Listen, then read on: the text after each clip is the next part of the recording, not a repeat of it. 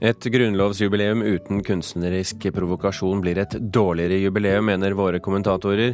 Alle tre hovedverkene til grunnlovsjubileet har ertet på seg folk. 150 publikummere har ikke fått billettene de har bestilt når eh, Robbie Williams spiller på Telenor Arena i kveld. Og vi anmelder det 20 år gamle fiolintalentet Guro Kleven Hagen, som debuterer sammen med Oslo-filharmonien på ny CD. Både NRKs kulturkommentator og NRKs kunstkritiker er enige om at et grunnlovsjubileum uten kunstnerisk provokasjon blir et dårligere jubileum. Og provokasjon har grunnlovskunstens tre hovedverk gitt i stort monn. Lars Rambergs tre bytoaletter, malt i henholdsvis rødt, hvitt og blått, fikk hard medfart både av politikere og konservative kunstkjennere da det ble lansert for ti år siden. Gjenskapingen av Kongolandsbyen i Frognerparken har skapt opprør og furore over hele verden, selv før den åpner denne uken. Mens Trond Hugo Haugen ertet på seg de litt mørkere sidene av nettkommentariatet da han gjenskapte Stortingets maleri av den første riksforsamlingen, men med dagens befolkningssammensetning i landet. Du ser 112 mennesker fra i dag som sitter i eh, Rikssalen på Eidsvoll, eller i Eidsvollbygningen. Det ble avduka på lørdag. Trond Hugo Haugen sitt fotografi, som er ei omarbeiding av Oskar Wergeland sitt maleri fra 1814. Verket er ett av flere som nå avdukes i forbindelse med grunnlovsjubileet. Det er særlig Kongolandsbyen, som åpnes på torsdag, som har vært omdiskutert. Men heller ikke Haugen sitt verk har gått ubemerka hen. Det kom mest reaksjoner når jeg, eh, når jeg var ute og søkte etter eh, mennesker som ville delta. Eh, hvor jeg spesifikt søkte etter folk som var muslimer, katolikker, homofile, uføretrygda og Når du gjør det, så møter du dette berømmelige nettrollet. Et annet verk som er en del av grunnlovsjubileet, og som har vært omdiskutert i ei årrekke, er 'Liberté' av Lars Ramberg. Verket åpnes offisielt på onsdag og består av tre franske toalett i trikolorens farger rødt, hvitt og blått. Ramberg opplever mye av debatten kring sitt verk som tufta på fordommer. Jeg tror at Liberté har blitt så ofte debattert og, og, og um, sikkert også provosert, fordi det tar i bruk symboler som, som vi opplever som nasjonale helligdommer osv. Men samtidig så har det også blitt så heftig debattert, fordi veldig mange har ikke satt seg inn i hva verket faktisk diskuterer. Koro ved Bo Christer Wallstrøm sier at intensjonen med grunnlovsjubileumskunsten ikke var å provosere, men tar debatten som de ulike kunstverkene har skapt, som et godt tegn. Det er mange mange ulike meninger om dette, og det er jo, det er sunt. Et offentlig rom skal jo på en måte slippe fram ulike meninger. Og at det blir en diskusjon og en debatt, det viser jo at det er liv laga i, i offentlige rom.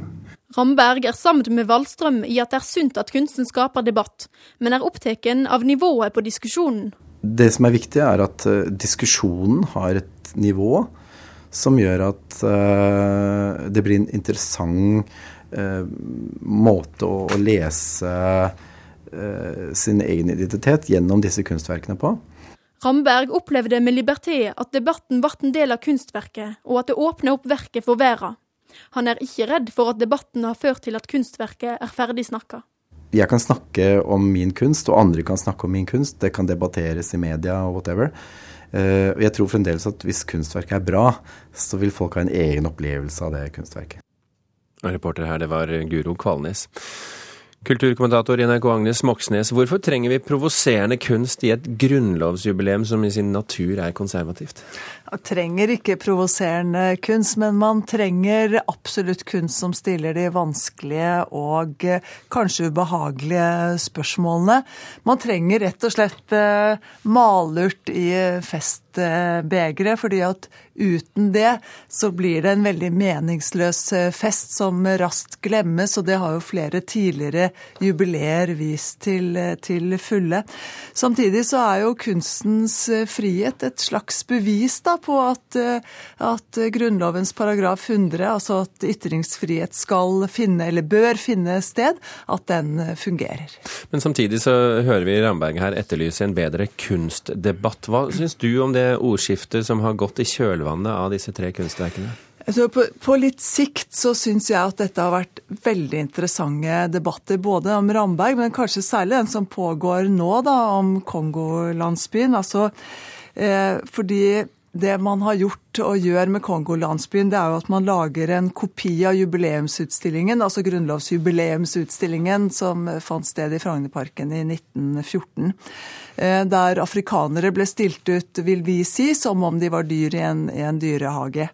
Og det går jo selvfølgelig rett inn i smerte smertesenteret til en stor del av verdens befolkning. Og det er kommet en følelsesstorm mot, den, eh, mot utstillerne og kunstnerne. Samtidig så er jo det et verk som til gangs viser at selv om vi i 1914 feiret en veldig liberal og rettferdig grunnlov, og selv om vi året før, altså i 1913, fikk allmenn stemmerett i Norge, så er ikke det i seg selv en garantist for et menneskesyn som vi kan stå inne for i dag. Men det er jo tematikken i disse kunstverkene som her, eh, som her blir eh, gjenstand for debatt, og ikke kunsten og kunstverket som sådan. Er det en styrke eller svakhet? Det er, en, eh, det er både en styrke og en svakhet. Men altså når det gjelder f.eks. Riksportrettet, da, så er jo det det stiller da spørsmål hva betyr det å være norsk i Norge i dag, i 2014? Det er faktisk et ganske komplisert eh, spørsmål. Eh, Lars Rambergs Liberté, disse tre toalettene som står rett foran eh, Stortinget, åpner eh, i morgen, skal tas i, i bruk, Stille stiller spørsmål om det offentlige rom. Og, og også selvfølgelig er, er det et kraftig signal i et land, et rikt land som Norge, hvor vi har flere bostedsløse enn noen noensinne. Og Kongolandsbyen, skal vi glemme det ubehagelige, eller skal vi huske det? Og hvem skal bestemme om vi skal glemme eller huske? Mona Palle Bjerke, kunstkritiker her i NRK. Hvorfor oppleves kunstverk, sånn som de vi hører om her, så provoserende på folk? Nei, Det er nok som Magnus er inne på, fordi det griper inn i den norske selvopplevelsen. Alle tre på ulike måter og i ulik grad. da. Jeg syns kanskje det rareste er at dette riksportrettet opprører. fordi det er jo, slik jeg ser det, egentlig veldig politisk korrekt og snilt og veldig på en måte nesten helt på grensen til det litt banale og kanskje litt kjedelige. Jeg syns det mer det er det, det kunstverkets problem. Det er ikke sikkert de politisk korrekte er de som blir provosert her. Nei. Så, men at, at Kongolandsbyen vekker, vekker furore, det er jo ikke rart, som Magnus også er inne på. Det er jo kjempe, et kjempekrevende prosjekt, og det har jo denne dobbeltheten, som vi også hørte, at det er både eh, veldig, veldig problematisk i forhold til at det på en måte rekonstruerer noe som var veldig, et veldig eh, problematisk prosjekt, og som viser en instrumentalisering av mennesker, som er ekstra smertefull når det handler om afrikanere, fordi de har denne vonde slave- og undertrykkelseshistorien, som nettopp handler om det å gjøre mennesker til eh, instrumenter for andre. Men Når du Men sier samtidig... at det er krevende, og kunsten er krevende, hva mener du med det da? Jo, fordi den, altså den, den, er, eh, den, er, vanskelig for oss, da, fordi den, griper inn i en vond eh, historie. Men det som gjør det interessant, er jo også nettopp det Agnes sier, at er, den henter frem noe vi egentlig ikke liker å tenke på. Vi er jo veldig sånn i Norge at vi liker å feire det vi er stolt av, det vi er fornøyde med, og, og vil heller snakke med litt lav stemme om det som ikke er så stolte sider ved den norske historie. Så det er jo det fine ved dette prosjektet, at jeg tror veldig få visste om dette før disse to kunstnerne begynte å, å, lage dette prosjektet. Og det har de selvfølgelig regnet inn, at eh, dette måtte til for å få oppmerksomhet. Når vi snakker om Rambergs prosjekt, altså disse, disse tre uh, bytoalettene som, som, da også skal brukes i Oslo, uh, ikke bare som kunstverk, men også som toalett. Er, kan man forstå de reaksjonene et slikt verk vekker når det plasseres rett utenfor Stortinget? For det første er det jo ikke rett utenfor Stortinget, sånn som man kan få inntrykk av at det står liksom midt der man demonstrerer det er jo trukket litt tilbake der Saras telt eh, lå.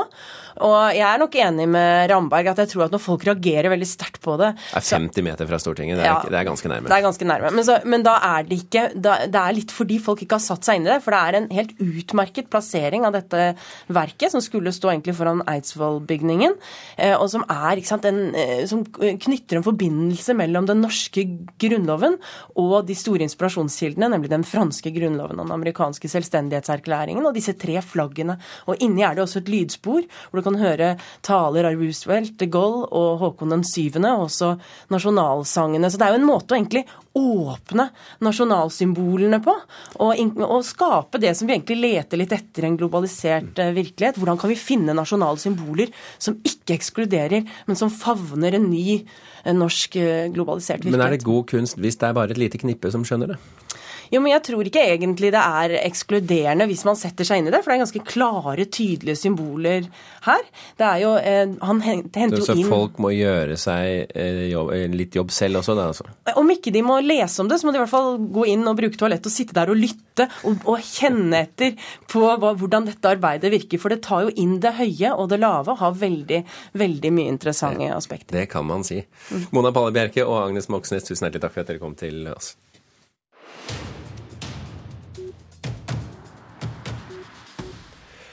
Regjeringen bevilger 10 millioner kroner til brannsikring av verneverdig trehusbebyggelse. Det melder Aftenposten i dag. Pengene kommer i kjølvannet av storbrannen i Lærdal i januar, der flere verneverdige hus brant ned til grunnen.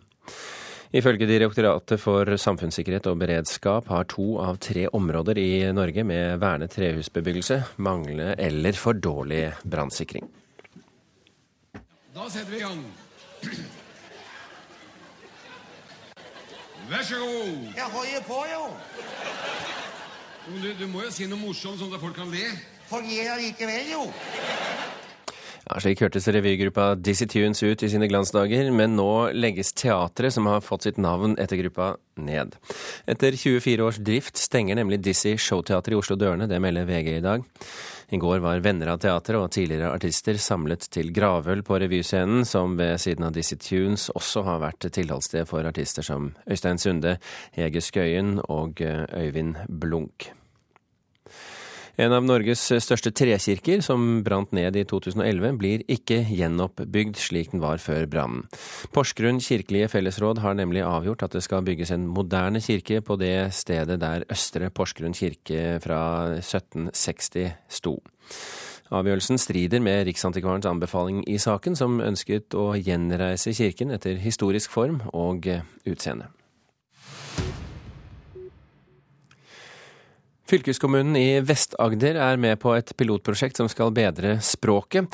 For det er ikke alltid lett å forstå språket som brukes i kommuner og fylkeskommuner. Mange byråkrater har satt seg fast i sitt eget kodespråk. Fylkesrådmannen rår fylkesutvalget til å tilrå fylkestinget til å ta årsrapportene med rådmannens merknader til orientering. Hva var det hun sa? Dette er altså et eksempel på hvordan Vest-Agder fylkeskommune kan formulere noen av sine ting. La oss høre med kommunikasjonsrådgiver Cheryl MacDonald. Ja, Det kan du si. Jeg tenker at her er noen som skal vedta noe, og så må en liksom få med seg alle mulige eventualiteter på hvem det er som skal si noe om det. Og det må kunne sies litt kortere. Kan du komme med et konkret forslag? Nei, det er jo nettopp derfor vi skal sette oss ned og se på hvordan vi kan gjøre det best mulig. Og at det fylkeskommunale språket kan gjøres langt enklere, var det ingen tvil om blant folk på gata. Byråkratspråk er vanskelig. Noen ganger forstår du, og noen ganger kan det være vanskelig. Hva er det som gjør det så vanskelig, da? Nei, det er vel språkbruket deres. Du mener de har en vei å gå? Ja, byråkrater bør hva skal jeg si, folkeliggjøre seg litt. Det er noen ganger en stor utfordring å forstå det språket. Nå har jeg tatt en høyere utdanning som sosionom, så jeg har nok lært meg litt av det byråkratspråket gjennom den utdannelsen. Men jeg syns det er vanskelig. Også ordfører i Hægebostad, Ånen Verdal, får ofte politiske saksfremlegg utarbeidet av byråkrater i fylkeskommunen på sitt bord. Og det er sannelig ikke alltid lett å forstå. Når du leser mye av dette, så lurer du på i grunnen hva mener de med dette. For det er liksom så innvikla språk, og spesielt mannen i gata. De vet iallfall at Ja, de stusser iallfall veldig mye på dette. her. Har du som ordfører noen gang klødd deg i hodet og, og spurt deg sjøl hva var det jeg leste nå? Ja, det har jeg flere ganger, kan du si. Altså, av og til så må du spørre hva er det de mener med det ordet der og det ordet der og det uttrykket der. Det er fylkeskommunene i Vest-Agder, Rogaland, Nord-Trøndelag og Akershus som nå er med på et pilotprosjekt for å se på hvordan man kan forenkle språket sitt. Det er innen områdene politiske saksfremlegg, informasjon på nettet og skjemaer man i første omgang setter fokus på. Men hvorfor i alle dager er det så vanskelig å skrive enkelt? Jeg tror det er flere grunner til det, men den viktigste er dette med at en er redd for at ikke det er korrekt nok. Og så må en liksom ta med alt for å være sikker på at en har sikra seg alle mulige bauger og kanter. Får dere mange klager på vanskelig språk? Nei, vi gjør egentlig ikke det, men det tror jeg kanskje fordi at folk er litt redd for å fremstå som at det er litt flaut å innrømme at en ikke forstår det. Eh, sånn at eh, vi tar ikke det at ikke det kommer klager. Det betyr ikke at alt er såre vel. Så derfor så velger vi å se nå på dette her og prøve å gjøre en litt grundig jobb. Reporter her, det var Yngve Stiansen. Klokken er eh, drøyt 18 minutter over åtte. Du hører på Kulturnytt, og dette er toppsakene i Dagsnytt akkurat nå.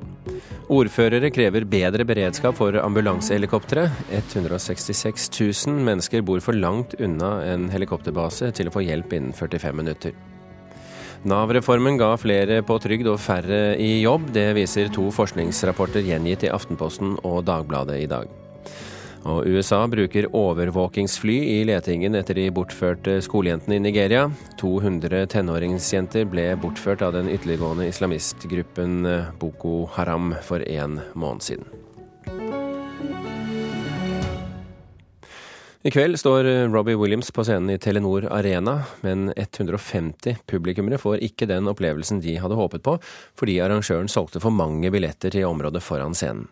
Noen av dem som ikke har fått det de har bestilt, er veninne, to venninner fra Gol. En av dem har aldri vært på konsert før. Til slutt så skjønte jeg at jeg skulle på konsert. Og det var veldig gøy. Da ble jeg veldig glad. Ja, altså, jeg tror nok jeg kvir meg for å bestille billett neste gang. Det er ikke noe god start, sånn, sånn sett. Oh, it seemed forever stopped today. All the lonely hearts in London caught a plane and flew away. Evy fra Gol har aldri vært på konsert. Men da hun fylte 40 år, fikk hun en stor overraskelse av bestevenninnen Milla. De to skulle ta toget til Oslo for å se Robbie Williams i Telenor Arena. Og venninnen hadde slått på stortromma. Ja, jeg tenkte at eh, i og med at uh, når hun først skulle på konsert, så, eh, så skulle vi få det helt, eh, helt riktig. Så derfor bestilte jeg inne-pit-billetter. Milla bestilte to av de dyreste billettene i området rett foran scenen. For da visste jeg at da var hun helt fremme hvor eh, hun nesten kunne smake svette. Og det var litt viktig. Men så, et par uker før konserten, fikk Milla en mail fra arrangøren Live Nation der det sto at de hadde solgt for mange billetter til området foran scenen.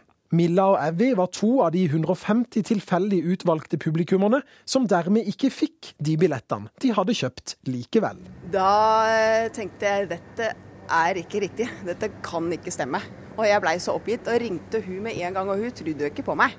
De kunne velge mellom å få refundert billettene eller bli nedgradert til vanlig ståplass lengre borte fra scenen, få utbetalt mellomlegget og få muligheten til å entre arenaen tidligere.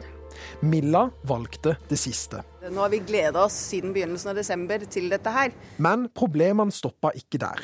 Milla måtte selv mase for å få tilsendt de nye billettene. Hun har ikke fått tilbake hele summen hun skulle få refundert, og da NRK snakket med henne mandag ettermiddag, hadde hun enda ikke fått all informasjonen hun var blitt lovet av arrangøren. Så det er, altså, Hele greiene er skuffende at det ikke er mer organisering rundt det når først de har gjort en feil. Så jeg tenker at en kompensasjon her mangler fullstendig, og tenker at det er litt sånn uproft fra Live Nations hold. De prøver vel å tjene mest mulig penger. Sier musikksjef i NRK P3, Mats Borch Bugge.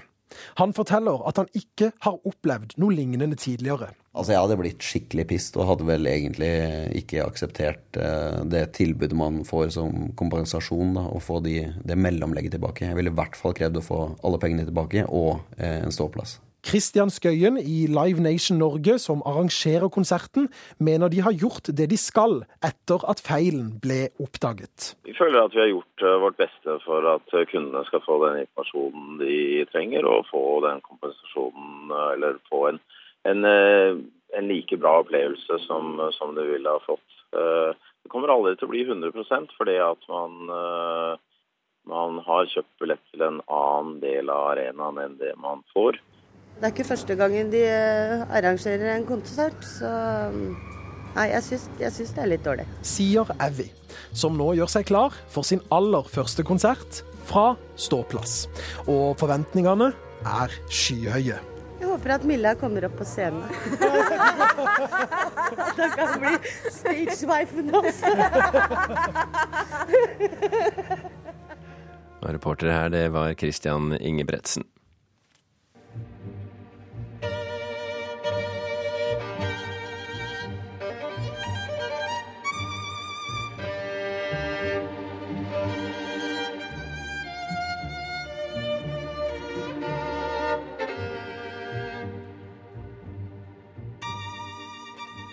Her hører vi den 20 år gamle fiolinisten Guro Kleven Hagen, som i disse dager er ute med sitt debutalbum sammen med Oslo-filharmonien under Bjarte Engeseth. CD-en inneholder to fiolinkonserter, Prokofjevs andre og Max Bruchs konsert nummer én i G-moll, som vi hørte fra her. Og anmelder Øystein Sandvik, hvilket inntrykk sitter du igjen med etter å ha hørt igjennom dette albumet? Nei, Guro Kløven Hagen er en talentfull journalist som har noen veldig sterke sider. Utmerker seg ved en vakker, flott klang og en naturlig sangbarhet i uttrykket.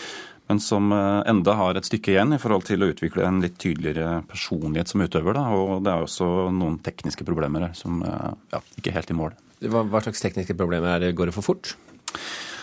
Ja, altså denne Max Bruch-konserten for eksempel her er jo en, et sånt typisk standardverk. Og det er ikke så rart at du velger akkurat den konserten på en sånn debutside. Den inneholder veldig mange liksom, av de triksene og tingene du må kunne for å spille fiolin på et høyt nivå. ikke sant? Og du merker det litt på den tekniske sikkerheten, også at rytmiske passasjer blir litt slarkete. Det går litt utover intonasjon faktisk når det begynner å bli litt teknisk krevende. Mm. Litt surt. Si noen ord om, om Guro Kleven Hagen. Uh, hun er jo kjent for nordmenn, kanskje særlig gjennom uh, disse konkurransene Virtuos og Eurovisjons uh, talentkonkurranse i 2010, som hun da kom på andreplass.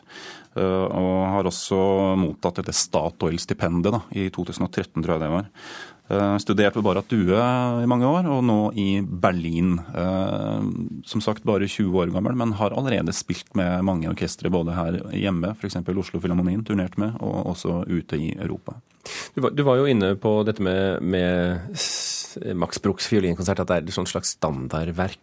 Kan du forklare litt hvorfor det er det? Ja, Den er enormt mye spilt. da. Du har jo liksom Jeg tipper at det er ca. 150 innspillinger eller sånn på markedet av denne, så du kan jo begynne med Fritz Kreisel 1925 og ta hele rekka fremover til Wengrov og Motter, så det er mange å konkurrere med. Som sagt, den har mye, mange tekniske utfordringer, men den har jo også da disse lyriske, sangbare partiene hvor du må liksom vise deg som en virkelig uttrykksfull fiolinist. Mm.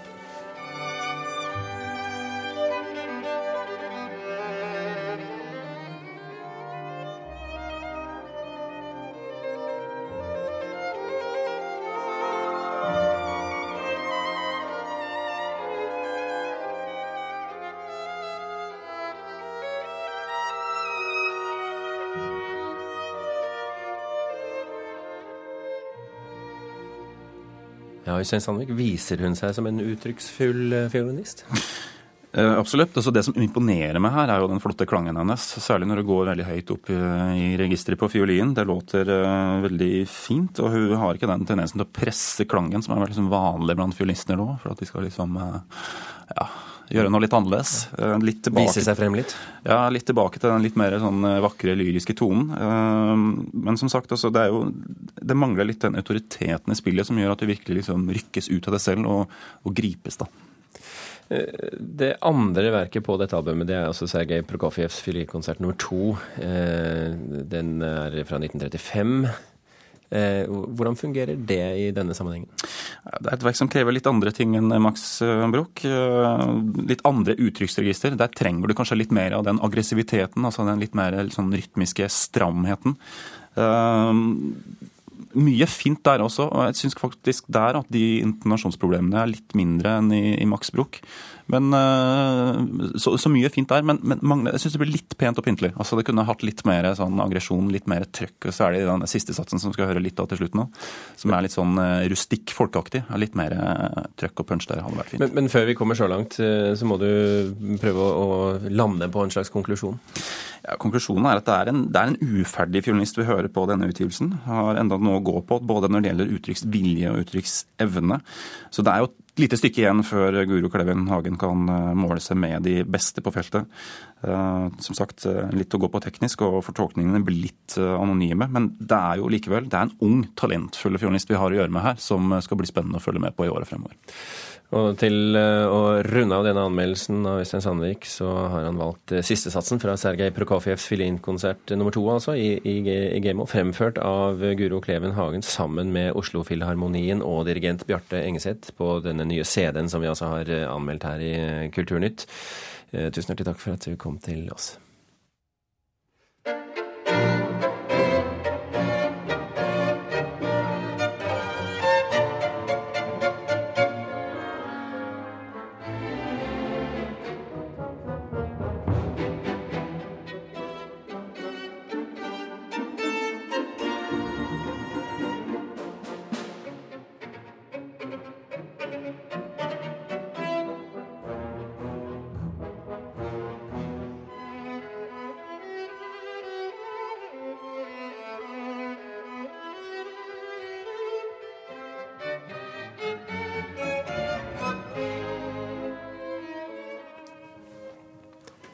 Kulturnytt er nå slutt. I dag har vi hørt at eh, et grunnlovsjubileum uten kunstnerisk provokasjon blir et dårligere jubileum. Det sa i hvert fall våre to kommentatorer. Alle tre hovedverkene til grunnlovsjubileet har ertet på seg folk.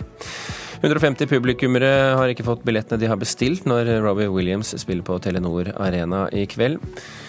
Frode Thorshaug, Espen Alnes og Birger Kolsrud Aasund takker for følget. Øystein Heggen er nå klar med flere nyheter her i Nyhetsmorgen, og da skal det selvfølgelig handle om den ikke fullt så vellykkede Nav-reformen. Men først litt om hva du kan høre på P2 i dag.